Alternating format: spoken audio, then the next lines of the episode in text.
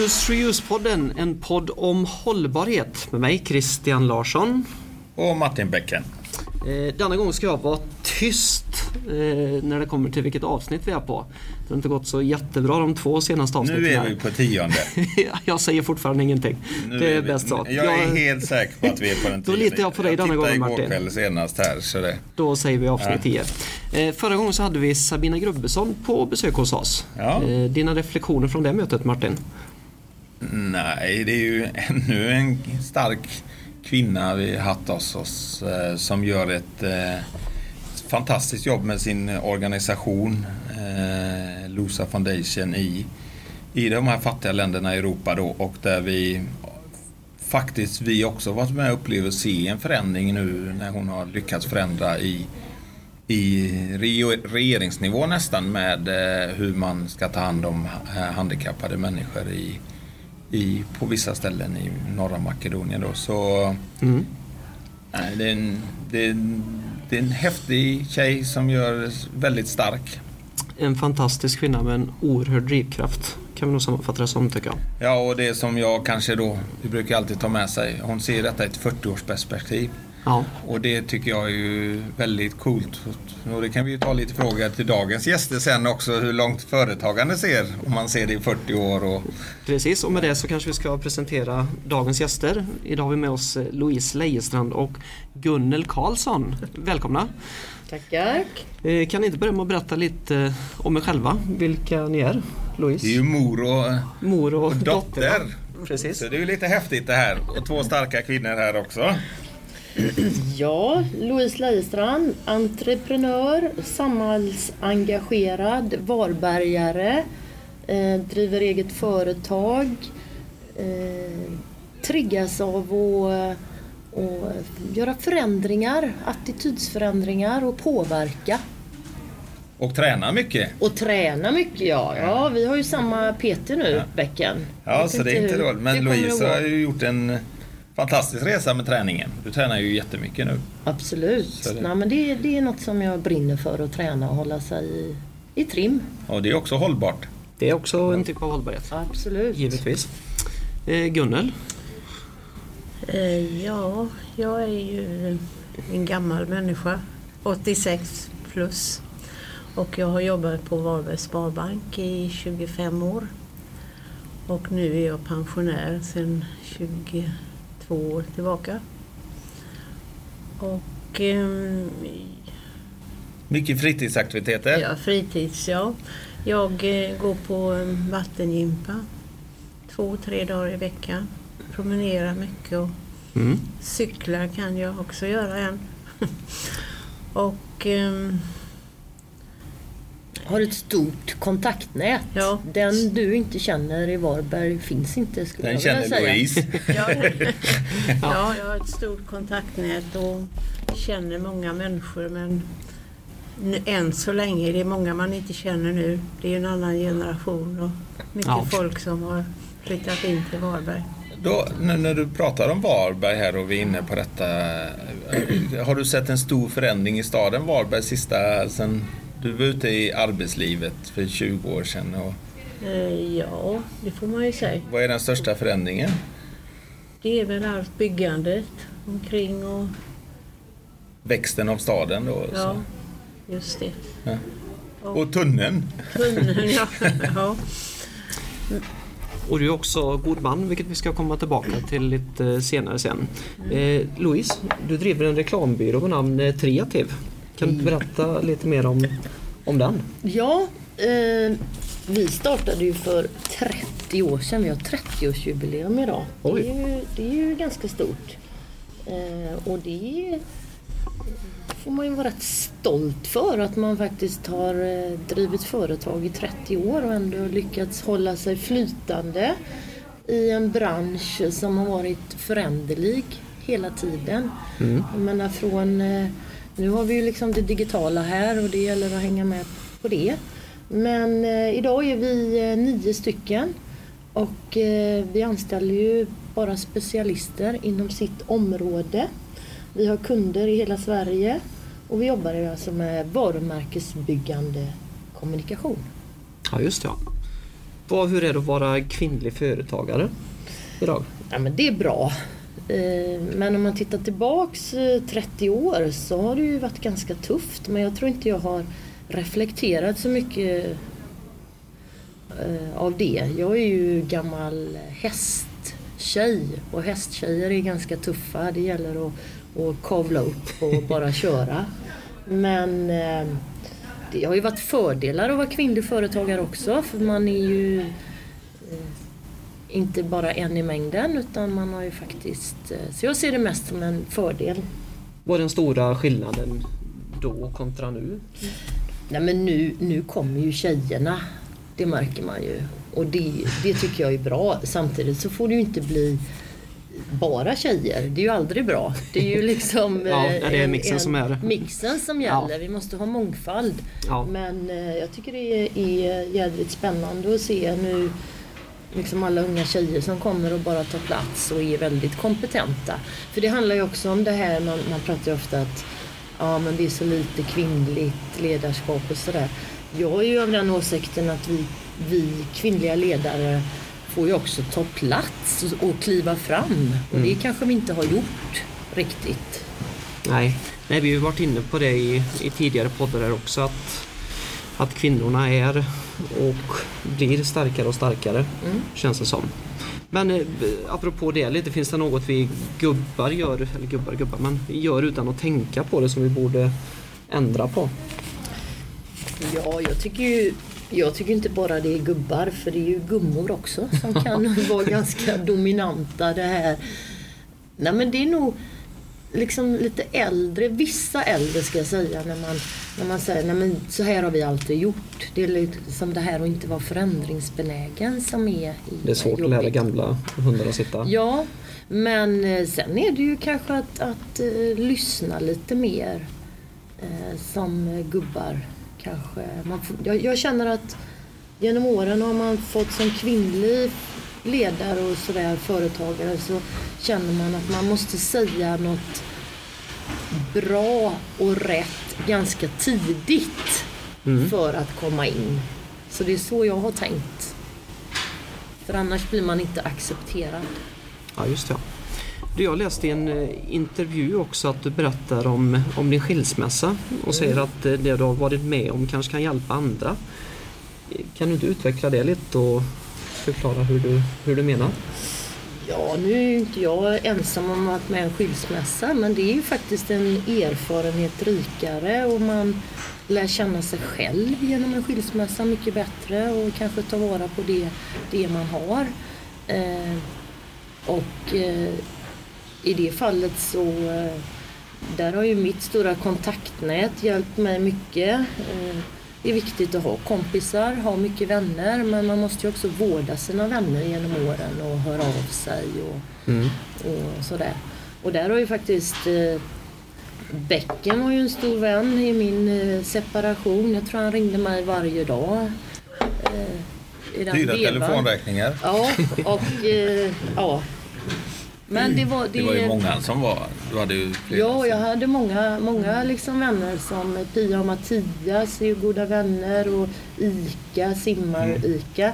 Men just Bäcken kommer jag ihåg för han ringde faktiskt varje dag. Även om man är lite tjötig ibland så var det ju, var det ju väldigt trevligt. Nej, men det omtanke och så. Ja, jo Så det det är väl det som, som jag kan skicka med mig. Och då, Det är ju inget ovanligt att skilja sig idag men det kan ju vara o- o- olika sorts skilsmässor som, och det är ju olika sätt man hanterar det. Mm. Är det inte så Louise? Att man, det, Men just att ta hjälp och våga, våga berätta, då får man ju mycket tillbaks. Mm. Och då känner man ju att man inte är så ensam i, i det heller. Och Precis. vårda sina vänner helt enkelt som man har. Många ser man ju lever ju bara ihop med sin liksom, man eller fru och liksom går in för det liksom helt. Men då det kan ju hända ganska mycket saker och då står man där ensam. Mm. Lite att tänka lite längre än näsan räcker och det är ju detta som är hållbart också. väldigt bra. Men då har jag en fråga till dig Louise. Den, i den, eh, eh, du, sociala medier har kommit, vi har diskuterat detta förr eh, med sociala medier och när man genomgår en kris som du gjorde då. Eh, Och man ser alla andra lägger ut lyckliga familjebilder på Instagram och Facebook. Och du vet den här fasaden som byggs upp mycket i, Tänker man på det när man är i den situationen du var då?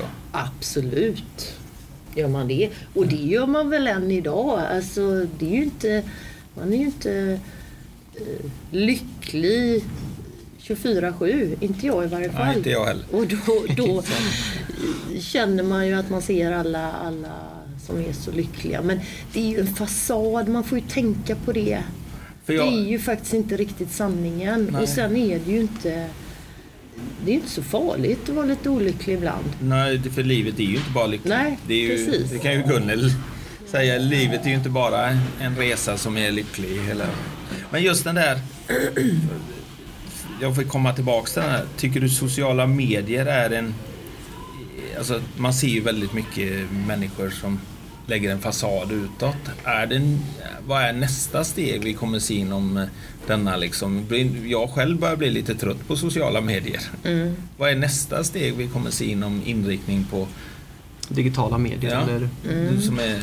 Alltså nu är ju sociala kanaler och digitalt, det är ju bara en kanal. Precis mm. som förr hade vi ju, eller har än, de klassiska kanalerna, tidningar, eh, PR, journalister skriver om, men det är ju, nu är det ju bara i digital form mer som har utvecklats. Så får inte glömma att det är bara en kanal. Men innehållet, liksom content, det är ju det vi pratar mycket om i, i det här med varumärken. Det är ju det som förändras. Och svar på din fråga är, vad kommer, vad är nästa? Som jag tycker man, man lite ser redan, det är ju det där att, att man måste vara ärlig, transparent. Mm. Eh, nu har vi ju några som börjar berätta om sina svagheter och och allt det här. Och då, de, det blir mer trovärdighet på det. Mm. Och det gäller ju företag också som ja. du säger när man är... Och det ser man ju även i, jag menar vi som är ute mycket och, och lyssnar på föredrag på scen. Alltså de som börjar berätta om sina eh, problem och så här, det är ju de vi lyssnar på. Sen får det inte bli för mycket av det nej, heller. Nej. Allting är ju liksom en, en... Inget får bli missbruk på något nej. håll. Vad, det står på Kreativs hemsida att ni är riktigt grymma på strategi. Eh, vad tycker du skulle vara en bra strategi för att få människor att bli mer hållbara? Jag tror det är det här att, att vara ute och, och prata om det och berätta om hållbarhet. Alltså att få och lite konkreta exempel tror jag.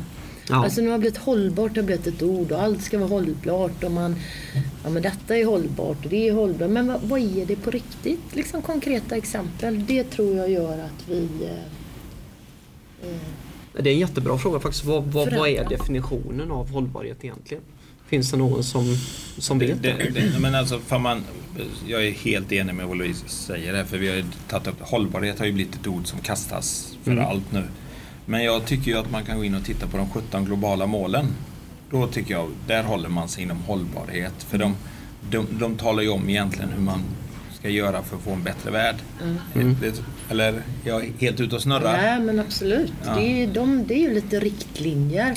Men sen tror jag man får tänka, vad är, vad är hållbart för mig i vardagen? För lilla mig liksom. Där kan mm. man ju göra någonting alltihop. Och det handlar ju inte Innan trodde man ju hållbart, ja, men det var med att sortera soporna. Det är ju så mycket mer. Men just det här hållbart, det ordet har ju blivit ett modord som vi faktiskt kanske missbrukar ibland. Jag kommer att tänka på, det är ungefär samma sak som kreativitet mm. har ju också varit ett modord. Och ett tag så var ju... Innovation har ju också varit ett ja, väldigt modord kreativitet, det var vi i, i reklambranschen, vi ägde kreativitet. Men alla människor är ju kreativa. Det, mm. Kreativitet är ju att se saker från ett annat håll. Sen att vi som jobbar med det hela tiden är mer tränade på det. Men titta på barn så kreativa de är innan de blir satt i något ja. fack. Liksom. Så det, där tror jag att hållbarhet, det är viktigt att tänka vad, vad är hållbart för mig? Det är ju hur mycket kläder köper jag? Alltså hur mycket billiga kläder köper jag? Det kanske är... Jag får ju ofta lite skit från morsan där att jag köper för dyra kläder men det tycker jag är hållbart. Eller hur? Ja, jag är med dig Gunnel. Man ska inte köpa några kläder för det gjorde inte jag på hela förra året. Nej. Och det gick bra det med. Ja, ja vi ser det. Ja, det må- Många pratar ju om, om, om, om eh, hållbar, eller nyckeln till hållbarhet är konsumtion. Och då pratar man inte om att man ska konsumera hållbart utan man ska konsumera mindre. Att det är det som är framgångsfaktorn. Mm. Ja men där Så- tror jag du säger något, eh, alltså lite huvudet på spiken. Sen måste vi ju konsumera annars dör ju. Vi måste ju Mm. ha snurr på eh, hur ska det annars gå för alla oss företag om vi inte konsumerar? Men det gäller ju att Kan konsumera. man förresten, det finns ju en svensk, eh, känd svensk hamburgerkedja nu som har gått ut med att de, de är klimatpositiva. Mm. Kan man som företag vara klimatpositiv? Jag tror inte Eller man detta är kan en vara fasad det. man har byggt upp också? Ja, det tror jag är lite fasad. Men man, det är ju bättre, man kan ju göra något. Mm. Men jag tror inte man kan bli 100% klimat... Eh,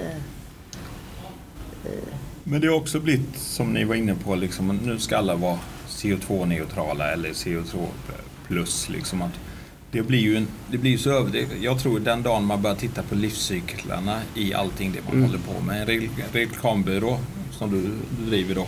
Vad kan man förändra där? Jo, ni kan förändra med att hjälpa kunden. Det är ju er kanske största styrka. Att ni förändrar och gör skillnad där. Och sen att ni förändrar era egna. Men vi säger i industri som vi jobbar i så är det ju en enorm process vi ska igenom nu med livscykelanalyser på allting och sådana grejer. Och det tror jag kommer bli den stora inom industrin. Mm. Och, men skillnad kan ni göra. Tror du att reklam och marknadsföring spelar någon roll när det gäller hållbarhet? Absolut. Det är, ju, det är ju här vi kan liksom hjälpa till, precis som Becken är inne på, att, att göra attitydsförändringar. Mm. Och jag menar det är det vi jobbar med. Attitydsförändringar och informera. Och kommunicera liksom det. Ja. Och där har ju vi, eh, och det, det gäller ju att försöka att få de många människorna att komma in på något annat liksom. Så vi, vi har en jättestor roll där. Eller reklam och marknadsföring, absolut. Tänk ifall alla människor skulle säga hej till en person extra varje dag. Mm. Nu skulle vi skapa lite Vilket hållbar- samhälle vi hade haft Ja. efter det i så fall. Men det gör väl du Becken? Nu är jag ju på alla du går förbi. ja, men det, det är ju bara det är ju någonting annat. Ja, det går vi inte in på idag Christian eller? Nej, det gör vi Det inte. kan bli en lång Vi, vi, vi diskussion. håller det utanför tycker jag. Att vi får gå Nej, men alltså, vi är till exempel övertygade om att, att plast har en roll att spela även i, i framtiden om, om den återvinns. Vill säga. Tror du att det går att övertyga människor om det? Ja, med rätt kommunikation så går det. Sen, sen vet jag inte riktigt vad som är rätt kommunikation. Utan där ligger ju så mycket kunskap och fakta Och det är- bakom. Och det är ju här som är Det är exakt det du utmaningen. Så att, eh, Bort med det emotionella, in med faktan. Ja. Det är det som är, gäller och sen kommunicerar ärlighet. ja. Vi har varit inne på lite det här med sociala medier också. Tror du att eh, just sociala medier har en roll att spela i hållbarhetsarbetet eller sitter människor fast i sina bubblor och läser sådant de redan är övertygade om? Oavsett om det, om det är rätt eller fel. Nej, det tror jag inte. Jag tror på människor. Människor är ju smarta och medvetna och där. Alltså idag är ju de sociala kanalerna är ju någonting där man inhämtar fakta och information. Det är ungefär som att läsa en tidning och lite det som vi var inne på innan att man väljer ju bort de här som bara skriver hur lyckliga de är. De, de slutar man ju följa. Det är ju som att man köper liksom de tidningarna som är intressanta. Man kanske inte köper Hänt Extra så mycket längre utan man köper hellre det som... Så att eh, det är en jättebra kanal. Men det gäller att göra det på rätt sätt och det var väl lite det som Mm, när de sociala kanalerna kom så var det ju mycket, gud vad bra, nu, nu kan vi eh, skriva vad vi vill eh, själva. Men det är ju återigen det där att som företag måste man tänka igenom sin strategi och vara hållbara i sin kommunikation och vara transparenta. Det här med trovärdighet, det är ju liksom nyckelordet i all kommunikation. Ja. Men det, det, detta är ju, för detta är någonting som jag, just du är inne på sociala medier då, att eh, det här, och jag träffade en föredragshållare också, eller en talare, när jag var i Spanien och han sa det att de här gamla historierna som Louise är inne på, att man berättar sin lyckliga resa och jag blev känd och jag gjorde det. De är inte så intressanta längre. Utan det är när man kommer med och berättar real history och så Mm. berättar om problem och möjligheter och fakta igen, ärlighet. Så jag, du är inne på någonting som jag tror vi kommer se en jätteförändring på. Det, jag tror även den, privatpersonen kommer ändra sitt beteende på sociala medier. Tror du även att man kan övertyga någon som inte tror på klimatkrisen? Du menar eh, gubbar? Sex- 60-åriga gubbar. Ja. Eh, absolut, men det, det är ju så. Alla är ju inte förändringsbenägna och, och det kanske är lite... Jag brukar tänka det är bättre vi inriktar oss på de som vill förändra. Alltså ibland får man välja bort också, våga välja bort vissa målgrupper som inte är förändringsbenägna. Alla är ju inte det. det Nej. Nej. Från det ena till det andra. Gunnel, vad gör en god man? Kan du inte berätta lite om, om det? Ja, man... eh, I, när jag jobbade på banken så vi, blev vi eh, tillfrågade utav överförmyndaren om vi ville ställa upp som god man. Mm. Och det är att då eh, hjälpa funktionshindrade, sjuka och ordna med deras ekonomi och, och andra sociala grejer. Är det inte mycket att man hjälper dem för att få en dagen till att fungera egentligen Jo, kan man jo. säga? Att, eh, Det är det ju också. Och, ehm, och sen har de bor ju, de jag har har bott på hem alltså. Och där gör ju personalen en väldigt fin, fint jobb för alla det, tycker jag. Ja. Och även kommun och har jag aldrig haft någon eh, eh, vad ska jag säga?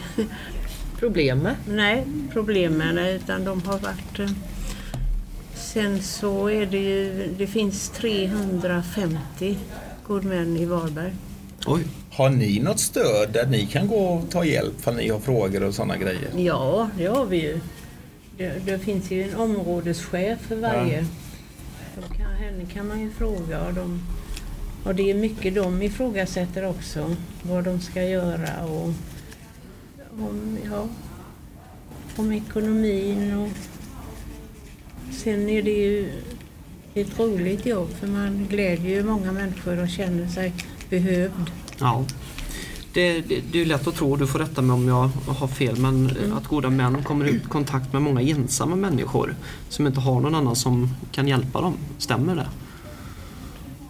Ja, en, vad då menar du ensam? Jag menar ofta kanske det är att någon som du har någon utav det, som du hjälper då eller god man ja. som kanske inte har några släktingar Nej, eller det. eh, det kan ju vara sådana det, det har du säkerligen. Ja, För, annars, ja, ja. för annars är kanske goda mannen någon i släkten kan det vara eller får Ja. man, ja. Det är släkt, eh, släkten vill ju, gillar de ju inte riktigt att de ska vara god man. Nej. Det kan ju, Vilket jag kan förstå också i och för sig. Om, och där är många i släkt, är det bara en kanske de har ett syskon men är det då flera och de, den här huvudmannen avlider så har det ju blivit välja. Så därför så är det inte lätt att bli god man. Ja, för det kan vara om man tänker på ja. juridiken runt Ja, omkring. just det. Ja, precis. Finns det många ensamma människor i, i Varberg? Skulle du säga? Ja, som eh, de kan väl sköta sig själv menar du eller? Ja men som är kanske, finns det många Behov. människor utan god man eller någon som inte har det idag eller? Eller är alla, har alla den hjälpen de behöver idag? Tycker Nej, det utreds ju om Ja. de behöver det. Du? Sa du att det fanns 350 goda män i Varberg? Ja. Och i snitt hur många har man som man hjälper då? Nej, jag har ju haft upp till fem stycken men nu har jag två. Nej, Men det är mellan två Ja. till fem man har Ja, då eller mm. Det är ju rätt mycket att ha fem stycken. Ja. Det är ju nästan ett heltidsjobb. Ja. och så ha en dotter upp till. ja. Henne är det några problem med. Nej. Och ett barnbarn. Ja, ja, ja. Men de sköter sig bra de sköter två. Ja. Eh, Vi pratar ju gärna om hållbarhet ur eh, miljösynpunkt men det finns också social hållbarhet som vi pratar om. Kan man säga att det är det du arbetar med? Ja, det kan man väl säga. Det är, ett, det är ju ett fantastiskt jobb du gör Gunnel. Jag har ju... ja, det, ja, det ger mycket. Ja. Man kommer in i hur det fungerar på, i kommunen och man lär känna många där och, och på hemmen, både hemmen där de är. Ja. Jag tror inte du blir rik på att vara god man i alla fall. Nej, absolut Det är inte därför du Nej, gör det. Nej, Då hade du jobbat på rekl- reklambyrå istället. ja, visst. Men Nej, Bäcken, har du, du kanske vill ha en god man? Jag har frågat Gunnel men hon vill inte ha mig. Så nej. får ansöka igen. Ja. Så. Och sen får man inte, de, man får inte vara över 70 år om man ska bli god man. Men jag hänger ju med för att de avskedar ju ingen för de vill ju ha mer god män. ja. Så det är egentligen någonting du säger här att är det någon som känner att de har tid och sociala engagemanget så kanske man, och vad söker man det någonstans? Man vill, Jo, där har varit, det har gått ut, de har haft information om det på överförmyndare. Sådana som vill bli Är det socialtjänsten då eller är det överförmyndare eller vad heter det? överförmyndare. Är det. Nu har vi ju ingen överförmyndare i Varberg utan vi är ihop med Falkenberg. Så det är Falkenbergs eh, Överförmyndarnämnd. som man går in och söker på för Ja. man vill bli god Ja, man. Då. mm. Det är ju en liten eh, grej för er som känner att ni har eh, Lite problem. Definitivt. ja, Vi behöver fler, fler människor som önskar, önskar hjälpa till. fler Gunnel. Fler Gunnel Gunnelja, i det är det samhället. nya Ja, nu. det kan vi göra en kampanj Ja, fler Det skulle vi kunna Gunnel. Ja. Fler Gunnel. Hashtag. Det, det har vi en idé. Det är ju riktigt häftigt att du ville vara med oss här idag Ja. på denna podden Ja, Gunnel. det var. Ja, knappt. ja, det var knappt. Det var mycket övertygande. Nej, vi får, vi får tacka så jättemycket. Om inte du har något mer Martin så... Det är ju eh, häftigt att få träffa två starka kvinnor eh, igen och så mor och dotter här nu. Det var ju första gången och jag tror faktiskt du är den som är äldst som varit med Gunnel. Eh, och det, det var första gången du varit med i en podd antar jag? Ja, visst. Ja, och det är inte sista gången. Nu blir det varje vecka eller? Jaså, ja, nej. Och, nej, eh, men det var trevligt. Ja. Och vad heter det, Louise, vi får, du, jag vill bara avsluta. Du har ju en, en, en roll i Företagarna, både lokalt och lite regionalt också jobbar du ibland. Och ni är ju ett väldigt framgångsrikt företagar.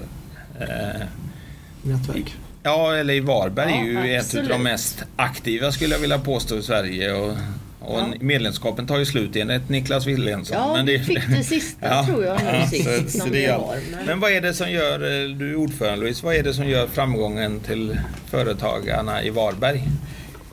ja, men det är att vi, det börjar ju med en, en, vi är en bra styrelse. Vi jobbar ju helt ideellt. Mm. Jag tror att jag har fått det här ideella ifrån mamma faktiskt. Mm. Att eh, påverka och eh, Företagarna är ju en fantastisk organisation tycker jag. För att man ska inte glömma att utan företagare i Sverige så stannar Sverige. Och framförallt i mindre storlek företag va? Ja, Så- 98 procent utav alla företag i Sverige är små.